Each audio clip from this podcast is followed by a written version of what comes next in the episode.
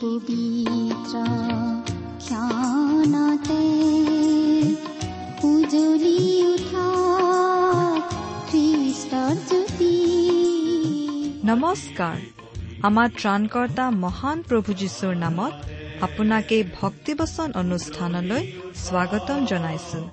এয়া মুকলি কৰিছো ঈশ্বৰৰ জীৱিত বাক্যৰ ধাৰাবাহিক অনুষ্ঠান ভক্তিবচন। মুখৰিত কৰি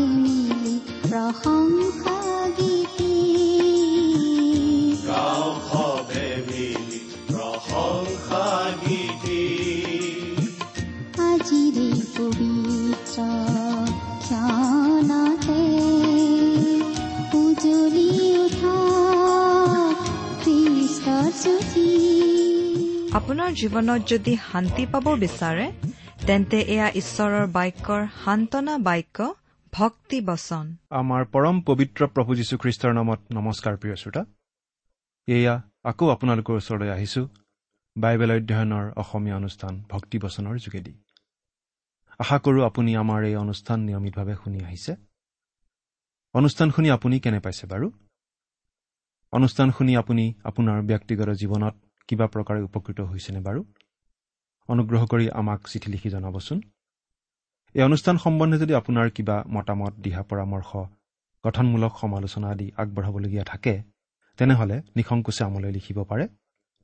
অনুষ্ঠানযোগে প্ৰচাৰ কৰা কোনো কথা বুজিবলগীয়া থাকিলেও আমালৈ লিখক। যীশুখ্ৰীষ্ট তথা খ্ৰীষ্টীয় বিশ্বাস সম্বন্ধে অধিককৈ জানিব খুজিলেও লিখক। চিঠি লিখিবৰ সময়ত কেৱল নিজৰ নাম ঠিকনা আদি স্পষ্টকৈ লিখিবলৈ যেন নাপাহৰে। আমাৰ ঠিকনা ভক্তিবচন টি ডব্লিউ আৰ ইণ্ডিয়া ডাক বাকচ নম্বৰ সাত শূন্য গুৱাহাটী সাত আঠ এক শূন্য শূন্য এক। Bhaktibachan T W R India postbox number seventy Guwahati seven eight one zero' zero' one.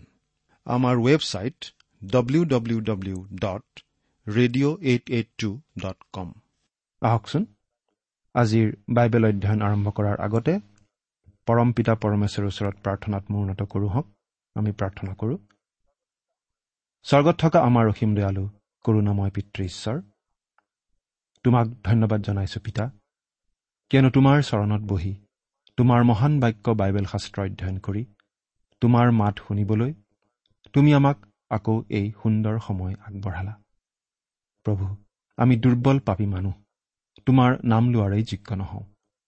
কিন্তু একমাত্ৰ প্ৰভু যীশুত ভৰসা কৰি তোমাৰ ওচৰ চাপিছো পিতা তুমি আমাৰ প্ৰাৰ্থনা শুনা।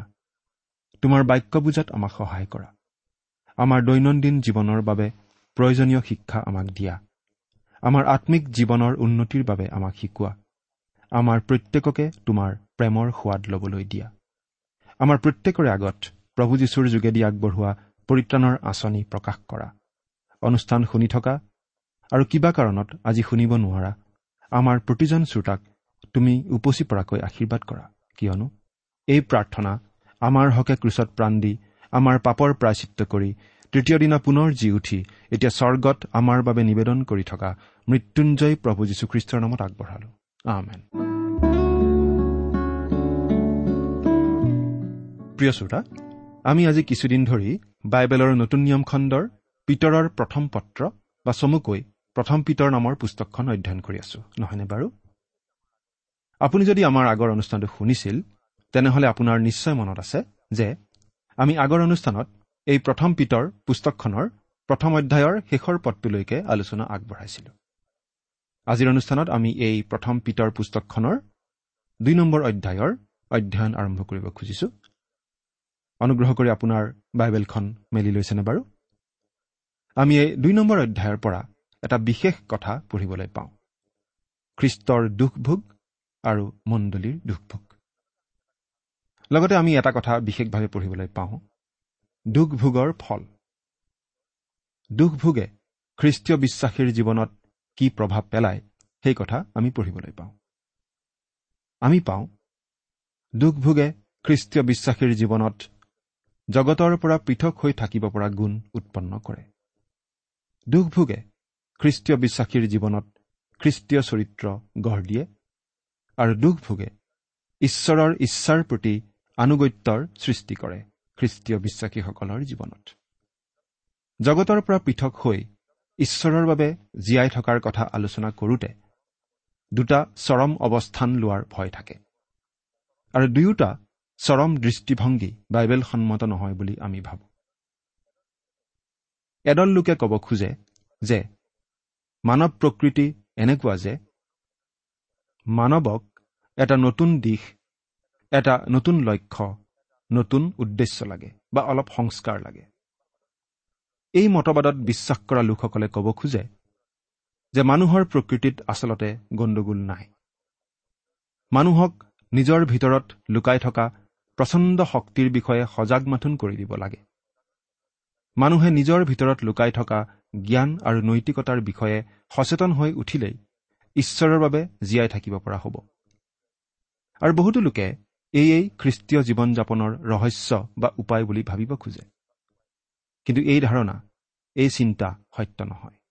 বাইবেলে আমাক এনেদৰে নিশিকায়। আনটো চৰম মতবাদ এই যে যেতিয়া কোনো এজন লোকে আত্মিকভাৱে নতুন জন্ম লাভ কৰে তেওঁ অলৌকিক শক্তি লাভ কৰে আৰু তাৰ পাছত তেওঁ কেৱল দৰ্শকৰ নিচিনা বহি থাকিলেই হ'ল আৰু কৰিবলগীয়া সকলো কাম ঈশ্বৰেই কৰিব। তেওঁৰ জীৱনত যি যি কৰিব লাগে ঈশ্বৰে কৰিব। এনে চিন্তাধাৰাৰ লোকসকল খুব ধাৰ্মিক ধাৰ্মিক ভাৱ দেখুওৱা লোক হয়। কিন্তু এই মতটো সম্পূৰ্ণ বাইবেল সন্মত নহয়। এনে চিন্তা কৰা মানুহে কেতিয়াও আত্মিকভাৱে আগবাঢ়ি যাব নোৱাৰে বৃদ্ধি পাব নোৱাৰে। তেওঁলোকে প্ৰেমপূৰ্ণ স্বাভাৱিক সম্পূৰ্ণ খ্ৰীষ্টীয় জীৱন উপভোগ কৰিব নোৱাৰে। এই দ্বিতীয় অধ্যায় অধ্যয়ন কৰোঁতে আমি এই কথা বুজি পাম যে আমি প্ৰভু যীশুক গ্ৰহণ কৰাৰ দ্বাৰা নতুন জন্ম লাভ কৰাৰ পাছত এটা নতুন প্ৰকৃতি লাভ কৰোঁ আৰু আমি সেই নতুন প্ৰকৃতিৰ জীৱন কটাব লাগে পবিত্ৰ আত্মাৰ শক্তিৰে। সেইজনা ব্যক্তি যিজনাক আমি দেখা নোপোৱাকৈয়ে প্ৰেম কৰিলোঁ অৰ্থাৎ ঈশপুত্ৰ যীশুখ্ৰীষ্ট আৰু আমাৰ মাজত এটা এৰাব নোৱাৰা ছিগিব নোৱাৰা মধুৰ সম্বন্ধ স্থাপিত হ'ল। সেই ঈশ্বৰৰ জীৱন্ত মানৱৰূপ প্ৰভু যীশুখ্ৰীষ্টক চিমুন পিতৰে দেখিছিল ভাল পাইছিল। যদিও আমি তেওঁক দেখা নাই কিন্তু পবিত্ৰ আত্মাই আমাৰ আগত তেওঁক প্ৰকাশ কৰে অতি স্পষ্টভাৱে যাতে আমি তেওঁক প্ৰেম কৰিব পাৰোঁ ভাল পাব পাৰোঁ বিশ্বাস কৰিব পাৰোঁ। প্ৰিয় শ্ৰোতা আপুনি যেতিয়া প্ৰভু যীশুক ত্ৰাণকৰ্তা বুলি গ্ৰহণ কৰিছিল সেই অভিজ্ঞতা কিমান মধুৰ আছিল মনত আছেনে? পাচনি পৌলে কৰিণ্ঠত থকা খ্ৰীষ্টীয় বিশ্বাসীসকললৈ এনেদৰে লিখিছিল কিয়নো ঐশ্বৰিক অন্তৰ্জালেৰে তোমালোকৰ কাৰণে আমাৰ অন্তৰ্জালা হৈছে কাৰণ খ্ৰীষ্টৰ হাতত সতী কন্যাস্বৰূপে সমৰ্পণ কৰিবৰ অভিপ্ৰায়েৰে তোমালোকক একমাত্ৰ স্বামীলৈ অৰ্থাৎ খ্ৰীষ্টলৈ বাগদান কৰিলো। দ্বিতীয় কৰিন্ঠিয়া এঘাৰ নম্বৰ অধ্যায় দ্বিতীয় পদ। কৰিণ্ঠৰ খ্ৰীষ্টীয় বিশ্বাসীসকল মাংসিক হৈ পৰিছিল। খ্ৰীষ্টৰ প্ৰতি থকা সেই প্ৰথম প্ৰেম নোহোৱা হৈ পৰিছিল। ইছৰাইলৰ লোকসকলক শাস্তি দি বাবিল দেশলৈ বন্দী হিচাপে যাবলৈ এৰি দিয়াৰ আগতেও ঈশ্বৰে একেধৰণৰ কথাকেই কৈছিল যে তেওঁলোকে তেওঁলোকৰ প্ৰথম প্ৰেম এৰিছিল। এই কথা আমি জিৰিমিয়া দ্বিতীয় অধ্যায় দ্বিতীয় পদত পাওঁ। ইছৰাইলৰ লোকসকলক ঈশ্বৰে মিছৰ দেশৰ বন্দী অৱস্থাৰ পৰা উদ্ধাৰ কৰি অনাৰ পাছত আৰু লোহিত সাগৰ পাৰ কৰাই অনাৰ পাছত তেওঁলোকে ঈশ্বৰৰ প্ৰতি এনে প্ৰেম আৰু ভক্তিৰ ভাৱ প্ৰকাশ কৰিছিল। তেওঁলোকে ঈশ্বৰ জিহুৱাৰ প্ৰশংসা কৰি গীত গান কৰিছিল।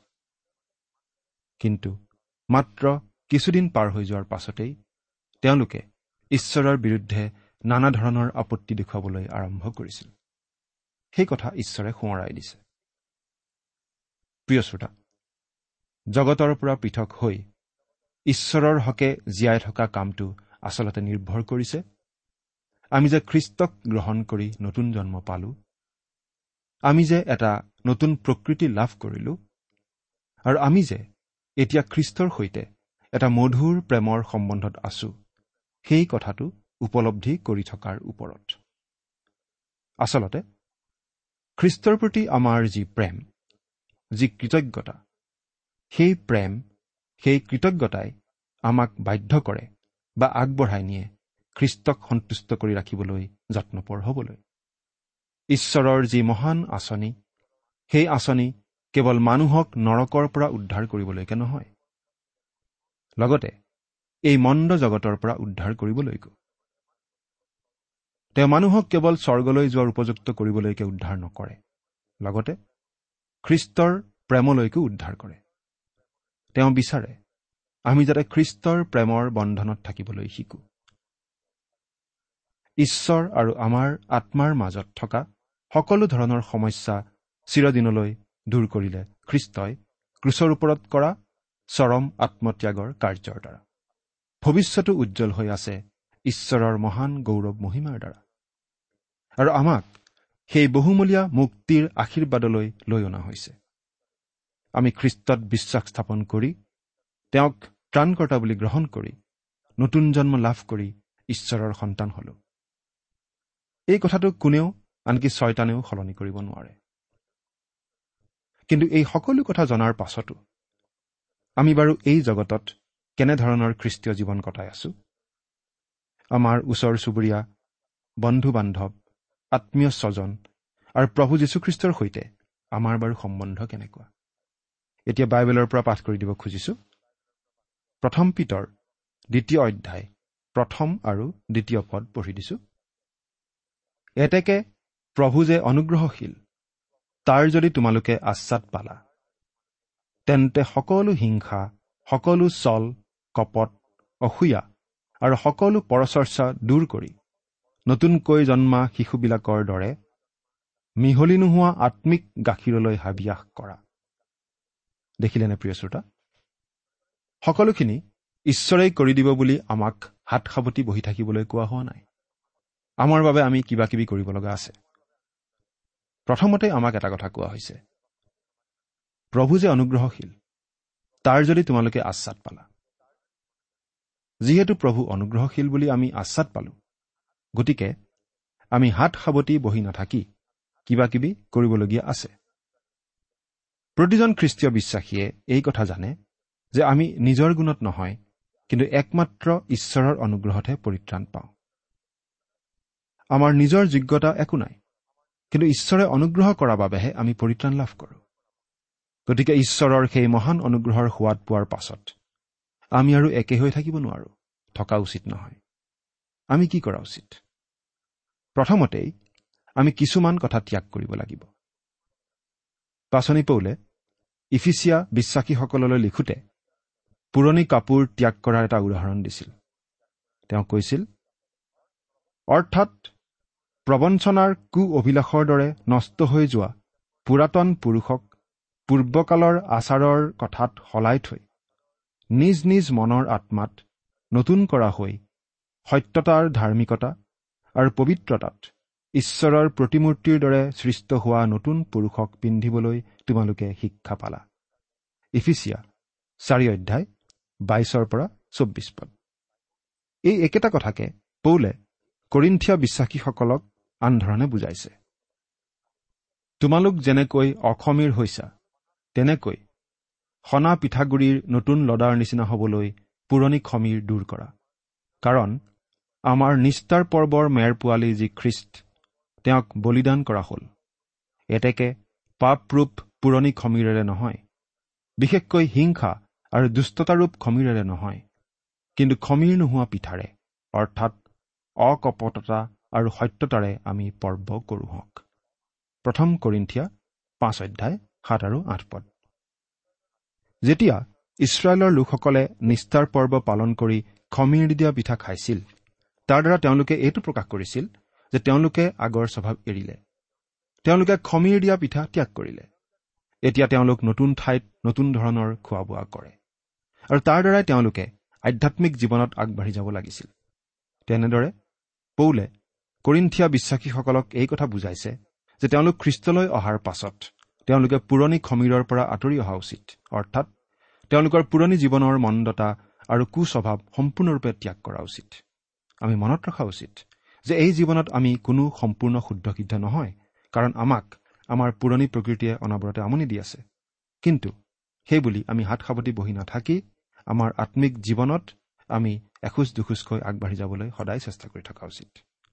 সকলো হিংসা হিংসা মানে গুপুত খং ৰাগ ইয়াৰ অৰ্থ আনক ক্ষমা কৰিব নোৱাৰা মনোভাৱ। প্ৰিয় শ্ৰোতা আপোনাৰ অন্তৰত বাৰু কাৰো প্ৰতি কিবা তিক্ততাৰ ভাৱ আছে নেকি? মনে মনে কাৰোবাক আপুনি বেয়া পাই আছে নেকি? আপুনি মন পালটন কৰি প্ৰভু যীশুক গ্ৰহণ কৰা বুলি আনৰ আগত সাক্ষ্য দি থাকিব পাৰে। কিন্তু আন কাৰোবাৰ প্ৰতি আপোনাৰ হৃদয়ত হিংসা ঘৃণাৰ ভাৱ থাকিব পাৰে। সেইটো কিন্তু আনে নেদেখে। আনে নেদেখিলেও তেনেকুৱা মনোভাৱে আমাৰেই আত্মিক জীৱনত অপকাৰ কৰে। আমি সেইবোৰ ত্যাগ কৰিব লাগিব। সকলো চল। চল চাতুৰি কৰা মানে চতুৰালি কৰি নিজৰ বাবে কিবা কাম হাচিল কৰা। বা কাৰোবাৰ কিবা অন্যায় কৰা। অননীয় আৰু চফিৰাই এনে ভাৱ দেখুৱাইছিল কাৰণ তেওঁলোকে আনৰ আগত ভাল দেখুৱাই নিজৰ বাবে ধন সাঁচি সাঁচি থৈছিল গুপুতে। এইটো আমাৰ পুৰণি প্ৰকৃতি। এনে স্বভাৱ আমি এৰিব লাগিব। কপট অসূয়া আৰু সকলো পৰচৰ্চা দূৰ কৰি। কপটতা আমাৰ জীৱনত আছেনে বাৰু? আমি বাহিৰত এটা ভিতৰত এটা স্বভাৱ যদি ধৰি ৰাখোঁ তেন্তে আমি দুতলীয়া কপট লোক। অসূয়া আৰু পৰচৰ্চা কম বেছি পৰিমাণে আমি আমাৰ সমাজত দেখিয়েই থাকোঁ। লোকবোৰৰ মাজত চলা দলাদলি কাজিয়া পেচাল আদিৰ সূত্ৰপাত এনেদৰেই হয়। এই সকলো কুস্বভাৱ আমাক পৰিত্যাগ কৰিবলৈ কোৱা হৈছে। এই সকলোবোৰ ত্যাগ কৰি আমি কৰিব লাগে কি? নতুনকৈ জন্মা শিশুবিলাকৰ দৰে মিহলি নোহোৱা আত্মিক গাখীৰলৈ হাবিয়াস কৰা। নতুনকৈ জন্মা কেঁচুৱা এটাই গাখীৰৰ বটললৈ হাত মেলাৰ দৰে। আমিও প্ৰতিজন খ্ৰীষ্টীয় বিশ্বাসীয়ে মিহলি নোহোৱা আত্মিক গাখীৰলৈ হাবিয়াস কৰা উচিত। কেঁচুৱাই ভোক লাগিলে কান্দি কাটি চিঞৰ বাখৰ লগাই আৰু মুখত গাখীৰৰ বটল লগাই দিলে গাখীৰ খাই খাই শান্তিৰে টোপনি যায়। এই কথা বাৰু আমাক কোনোবাই বুজাই দিব লাগেনে? কিন্তু প্ৰতিজন খ্ৰীষ্টীয় বিশ্বাসী তেনে হোৱা উচিত। আত্মিক গাখীৰলৈ অনবৰতে হাবিয়াস কৰা উচিত। আমি বাৰে বাৰে কৈ আহিছো যে প্ৰভু যীশুক গ্ৰহণ কৰি আমি আত্মিকভাৱে নতুন জন্ম লাভ কৰোঁ আৰু আত্মিক কেঁচুৱা হৈ থাকোঁ। সেই কেঁচুৱা অৱস্থাৰ পৰা বৃদ্ধি পাবলৈ হ'লে আমি গাখীৰ খাব লাগিব আত্মিক গাখীৰ। আৰু সেই আত্মিক গাখীৰ হৈছে ঈশ্বৰৰ বাক্য। প্ৰিয় শ্ৰোতা ঈশ্বৰৰ বাক্যৰ প্ৰতি আমাৰ যদি হাবিয়াস ভোক পিয়াস নাথাকে আমি খ্ৰীষ্টৰ জ্ঞান আৰু অনুগ্ৰহত কেতিয়াও বৃদ্ধি পাব নোৱাৰোঁ। আমি খ্ৰীষ্টীয় জীৱনত পৰিপক্ক অৱস্থা লাভ কৰিব নোৱাৰোঁ বৰং আমি আত্মিকভাৱে কেঁচুৱা হৈয়ে থাকিব লাগিব। কেঁচুৱা আৰু পূৰ্ণবয়স্ক মানুহ দুয়োকে আমি মানুহ বুলিয়েই ক'ম। কিন্তু শাৰীৰিক আৰু মানসিক গঠনৰ ক্ষেত্ৰত দুয়োৰো মাজত আকাশ পাতাল পাৰ্থক্য থাকে। কেঁচুৱাক গাখীৰ লাগে যাতে সি বাঢ়ি বাঢ়ি ডাঙৰ দীঘল হ'ব পাৰে। খ্ৰীষ্টীয় বিশ্বাসীজন কেনেদৰে বৃদ্ধি পায়? ঈশ্বৰৰ বাক্য অধ্যয়ন কৰি আৰু সেই বাক্য জীৱনত প্ৰয়োগ কৰি। ঈশ্বৰৰ বাক্য অবিহনে কোনো লোকেই আত্মিক জীৱনত বাঢ়িব নোৱাৰে। লাগিলে যিমান বুদ্ধিমত্তা থকা মানুহ নহওক কিয়? আমি মিহলি নোহোৱা গাখীৰৰ প্ৰতি হাবিয়াস কৰিব লাগে বুলি কোৱা হৈছে। মিহলি নোহোৱা আত্মিক গাখীৰ মানে সম্পূৰ্ণ ঈশ্বৰৰ বাক্য। ভেজাল নোহোৱা ঈশ্বৰৰ বাক্য। অৰ্থাৎ আমি বাইবেলৰ কিছুমান কথা গ্ৰহণ কৰি কিছুমান কথা গ্ৰহণ নকৰিলে নহ'ব। গোটেই বাইবেলৰ যোগেদি ঈশ্বৰে আমাক যি শিকায় তাকেই গ্ৰহণ কৰিব লাগিব। আমাৰ সুবিধামতে কিছুমান মানি কিছুমান নামানিলে নহ'ব। আমি জাগতিকতাৰ পৰা মাংসিকতাৰ পৰা আঁতৰি থাকিব লাগে সকলো মন্দতাৰ পৰা আঁতৰি থাকিব লাগে আৰু ঈশ্বৰৰ বাক্য আত্মিক আহাৰ স্বৰূপে গ্ৰহণ কৰিব লাগে। তেতিয়াহে আমাৰ আত্মিক বৃদ্ধি সম্ভৱপৰ হয়। এতিয়া তিনি নম্বৰ পদটো পঢ়ি দিছো। যাতে তাৰ দ্বাৰাই পৰিত্ৰাণৰ অৰ্থে বৃদ্ধি পোৱা। এনেদৰে ঈশ্বৰৰ বাক্য অধ্যয়নত মগ্ন হৈ থাকিলেহে আমি আত্মিকভাৱে বৃদ্ধি পাম। পৰিত্ৰাণৰ প্ৰকৃত ফল প্ৰকৃত আশীৰ্বাদ এই জীৱনত আমি উপভোগ কৰিব পাৰিম। এতিয়া আমি চাৰি নম্বৰ পদটো পাঠ কৰি দিম। ইয়াত এনেদৰে লিখা আছে মানুহৰ দ্বাৰাই অগ্ৰাহ্য কিন্তু ঈশ্বৰৰ দৃষ্টিত মনোনীত আৰু বহুমূল্য জীৱনময় শিল যি সেই প্ৰভু। মানুহৰ দ্বাৰাই অগ্ৰাহ্য কিন্তু ঈশ্বৰৰ দৃষ্টিত মনোনীত বহুমূল্য জীৱনময় শিল প্ৰভু যীশুখ্ৰীষ্ট। প্ৰভু যীশুৱেই সেই জীৱনময় শিল এই বিষয়ে প্ৰভু যীশুৱে নিজেই এনেদৰে কৈ থৈ গৈছে। আমি বাইবেলৰ পৰা চাওঁ প্ৰভু যীশুৱে কি কৈছিল।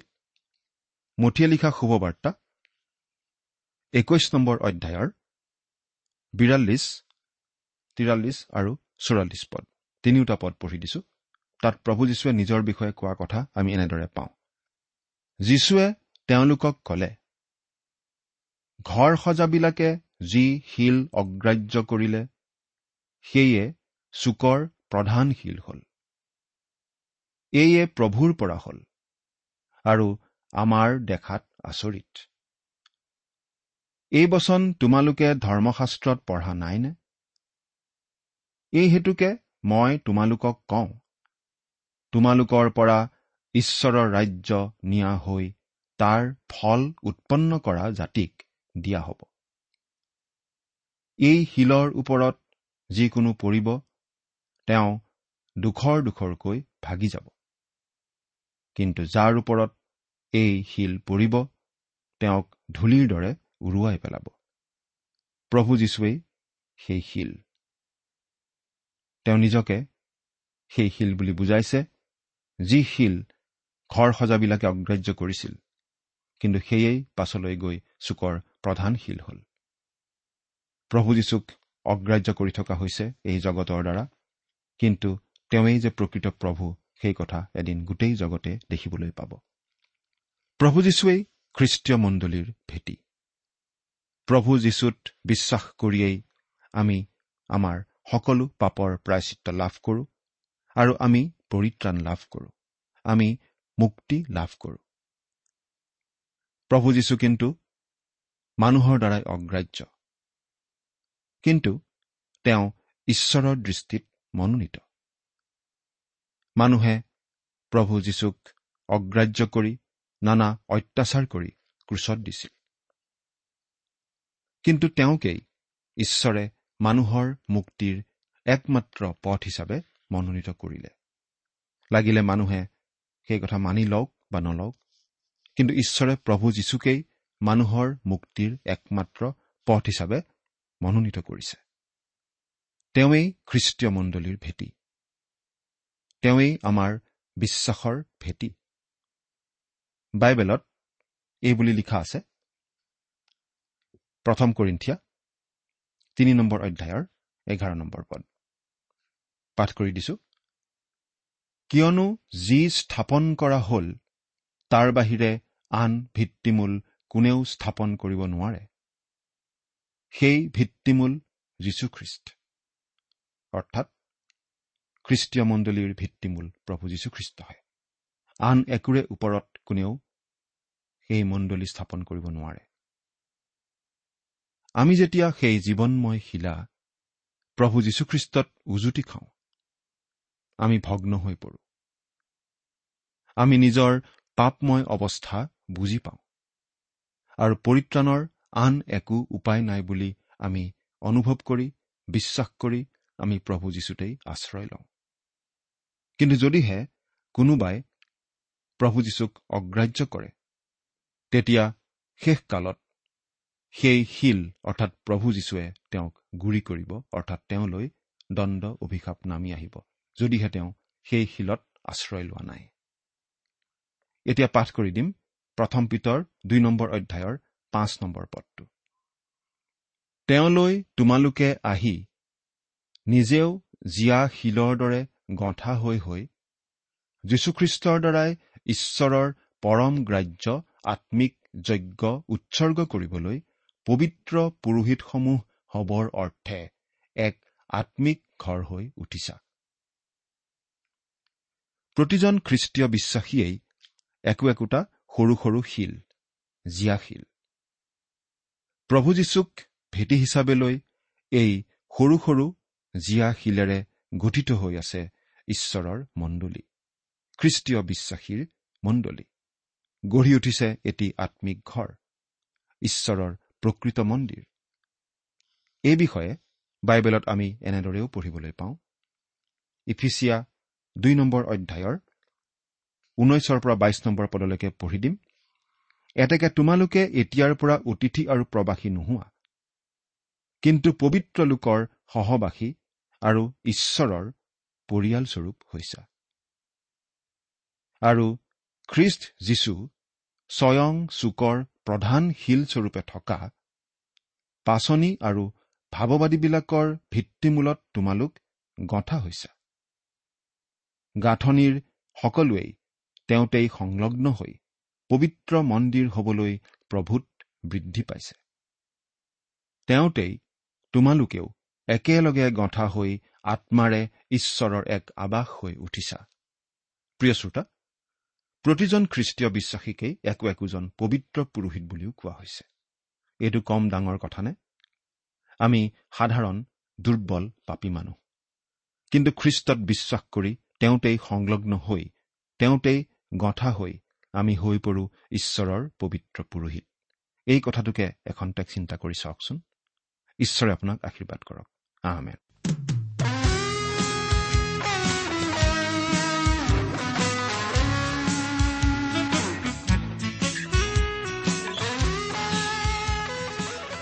ইমান পৰে আপুনি ভক্তিবচন অনুষ্ঠানটি শুনিলে। অনুষ্ঠানটি শুনি কেনে পালে? আমালৈ চিঠি লিখি জনাবচোন। অনুষ্ঠানত প্ৰচাৰ কৰা কোনো কথা বুজিব লগা থাকিলেও আমালৈ লিখক। আমাৰ ঠিকনা ভক্তিবচন টি ডাব্লিউ আৰ ইণ্ডিয়া ডাক পাকচ নম্বৰ সাত শূন্য গুৱাহাটী সাত আঠ এক শূন্য শূন্য এক।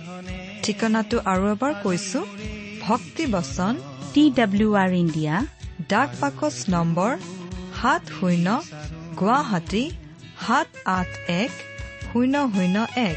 আপুনি ইমেইল যোগেৰেও আমাৰ সৈতে যোগাযোগ কৰিব পাৰে। আমাৰ ইমেইল আইডিটো হৈছে Assamese T TV at radio' eight eight two dot com. আইডিটো আকৌ এবাৰ কৈছো। Assamese T TV at radio' eight eight two dot com. আপুনি টেলিফোনৰ মাধ্যমেৰেও আমাক যোগাযোগ কৰিব পাৰে। আমাৰ টেলিফোন নম্বৰটো হৈছে শূন্য তিনি ছয় এক দুই ছয় শূন্য চাৰি ছয় সাত এক। ফোন নম্বৰটো আকৌ এবাৰ কৈছো zero' three six one two six zero' four six seven one. আজিৰ অনুষ্ঠানটি ইমানতে সামৰিছো। ঈশ্বৰৰ শান্তি আৰু অনুগ্ৰহ আপোনাৰ লগত থাকক। ধন্যবাদ। প্ৰেমতে